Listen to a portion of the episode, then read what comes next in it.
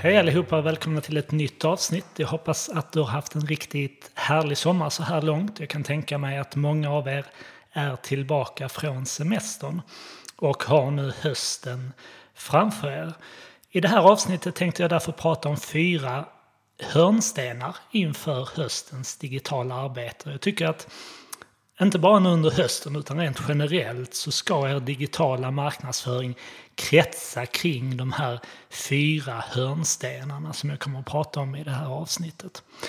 Är det så att ditt företag behöver hjälp med någon av de här delarna så tveka inte att höra av er till oss på Nivide. Du kan skriva till mig på johan.nivide.se eller skriva till oss på kontakt.nivide.se så hör vi av oss och sätter upp ett kort möte och pratar mer om hur vi kan utveckla er digitala marknadsföring. Och den här idén kring fyra hörnstenar som man då sätter sin strategi kring kommer egentligen från en modell som blev populär i samband med att man började prata om inbound marketing. Och de fyra stegen är nummer ett, attract, nummer två, convert, nummer tre, close och nummer fyra, delight. Alltså attract, convert, close, delight. Och då blir de här fyra hörnstenarna, hur jobbar vi med de här fyra olika områdena? Och här kan man ju då översätta de här fyra stegen till, om vi börjar då med det första, attract. Det handlar ju om vilka är våra trafikdrivande kanaler? Varifrån kommer våra potentiella kunder när de hittar till vår digitala närvaro? Det här skulle jag väl säga är en av de absolut, ehm, eller det området som de flesta jobbar väldigt mycket med. Man har sin Google Ads-annonsering, man jobbar med SEO, ehm, man kör annonsering i olika kanaler och så vidare. Man publicerar trafikdrivande inlägg i sociala medier och så vidare. Den andra delen, Convert, handlar ju då om hur får vi de här potentiella kunderna att genomföra någon form av konvertering. Vi vill ju såklart gärna att de tar kontakt med oss, gör någon typ av förfrågan eller köper av oss. Men det finns ju som sagt också en mängd olika mikrokonverteringar som jag har pratat om i tidigare avsnitt. Det kan vara att de fyller i ett formulär för att ladda ner någon typ av material eller att de börjar prenumerera på vårt nyhetsbrev. Egentligen handlar det om hur vår konverteringsprocess ser ut. Alltså hur kan vi jobba med konverteringsoptimering för att få fler från den trafiken som våra olika kanaler driver att göra det som vi önskar att de ska göra. Och sen det tredje området handlar ju om att få de här personerna då att bli betalande kunder på något sätt. Så det kan vara så att eh, vi kanske får in dem på e-postlista genom att locka med en e-bok. Men därefter behöver ju det finnas en tydlig strategi för hur ni ska fortsätta bearbeta de kunderna. Och sen det sista området som i den här modellen då kallas Delight. Det handlar ju om hur kan vi skapa ambassadörer genom sociala medier exempelvis? Eller hur fortsätter vi att bearbeta exempelvis befintliga kunder eh, genom vår kommunikation i de olika kanalerna? Jag skulle säga då en annan viktig del som egentligen genomsyrar samtliga de här fyra områdena, det är ju såklart er analys. Alltså att ni har mätpunkter, att ni kan analysera de här fyra olika stegen. Så det jag tänker att du bör göra nu inför hösten det är att sätta dig ner och fundera igenom strategin för de här fyra olika områdena. Alltså hur driver vi trafik till vår digitala närvaro? Där jobbar ni troligtvis med någon form av kanal eller strategi för att åstadkomma detta idag. Den behöver ju ses över. Ni kan ju även utvärdera befintlig aktivitet eller se om det, ni behöver komplettera med någon ytterligare kanal. Nästa steg blir då att se över hur ni arbetar med hela konverteringsprocessen, alltså konverteringsoptimeringen.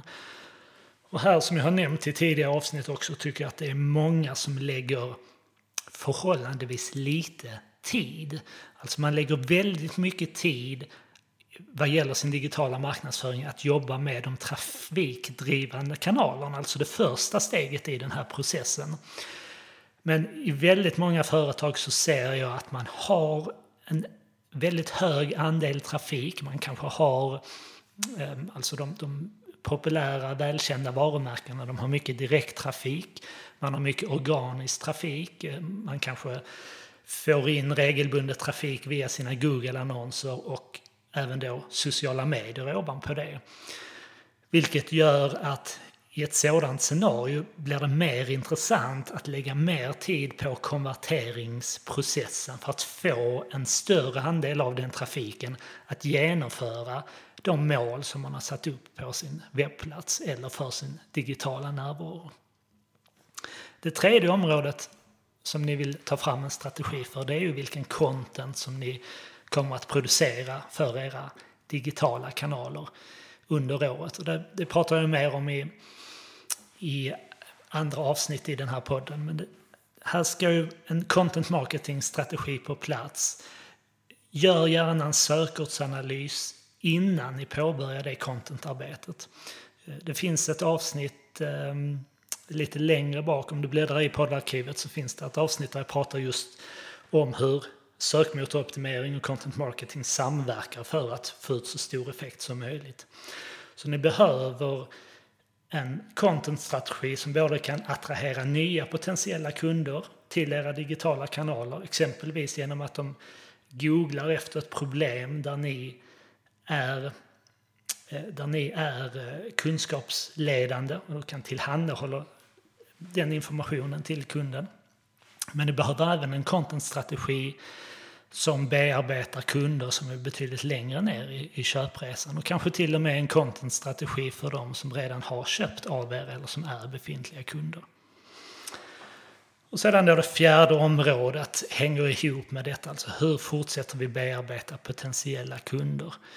Ehm, kan vi använda den datan på andra sätt ehm, för för att nå fler kunder. Jag tänker på att säkerställa att ni har lookalike målgrupper på personer som konverterar på olika sätt och, och lookalike målgrupper på personer som köper från er.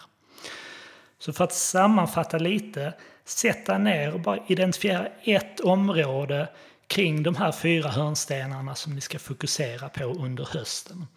Så vi har pratat om attract, convert, close, delight som då kan översättas till vilka är de trafikdrivande kanaler vi ska prioritera och jobba med? Vilka förbättringar kan vi göra i de kanalerna? Hur kan vi jobba med konverteringsprocessen för att få en större andel av trafiken att genomföra det som vi vill att de ska göra? Och sedan se över hela content-strategin. Eh, alltså hur Ska ni publicera content löpande i era digitala kanaler? Finns det behov att ta fram exempelvis nya e-böcker, white papers eller webbinarier eller annat nedladdningsbart material som kan få kunden att konvertera? Och sedan glöm heller inte att se över contentstrategin eh, och er annonsstrategi för den delen också. Hur fortsätter vi att bearbeta befintliga kunder? Hur kan vi få de här att bli ambassadörer för vårt varumärke? Och för dig som nu ser över er digitala närvaro och vill ta ett lite, litet helhetsgrepp inför hösten så lyssna gärna in det första avsnittet i den här podden där jag bjuder på 28 frågor som du kan ställa dig för att utvärdera er digitala närvaro. Bläddra gärna igenom poddarkivet, det finns massor med tips och inspiration.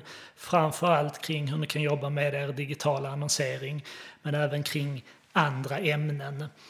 Eh, som kan hjälpa er att utveckla er befintliga digitala närvaro. Hör gärna av dig till mig om det är så att ni vill ha någon form av hjälp så bokar vi in ett kort videomöte där jag lär känna er bättre och eh, ni får reda på mer om hur vi på Nivide kan hjälpa er. Så släng iväg ett mejl till johan.nivide.se så hör jag av mig inom kort. Så med det sagt så önskar jag dig lycka till inför hösten och så hörs vi om en vecka igen. Ha det bra!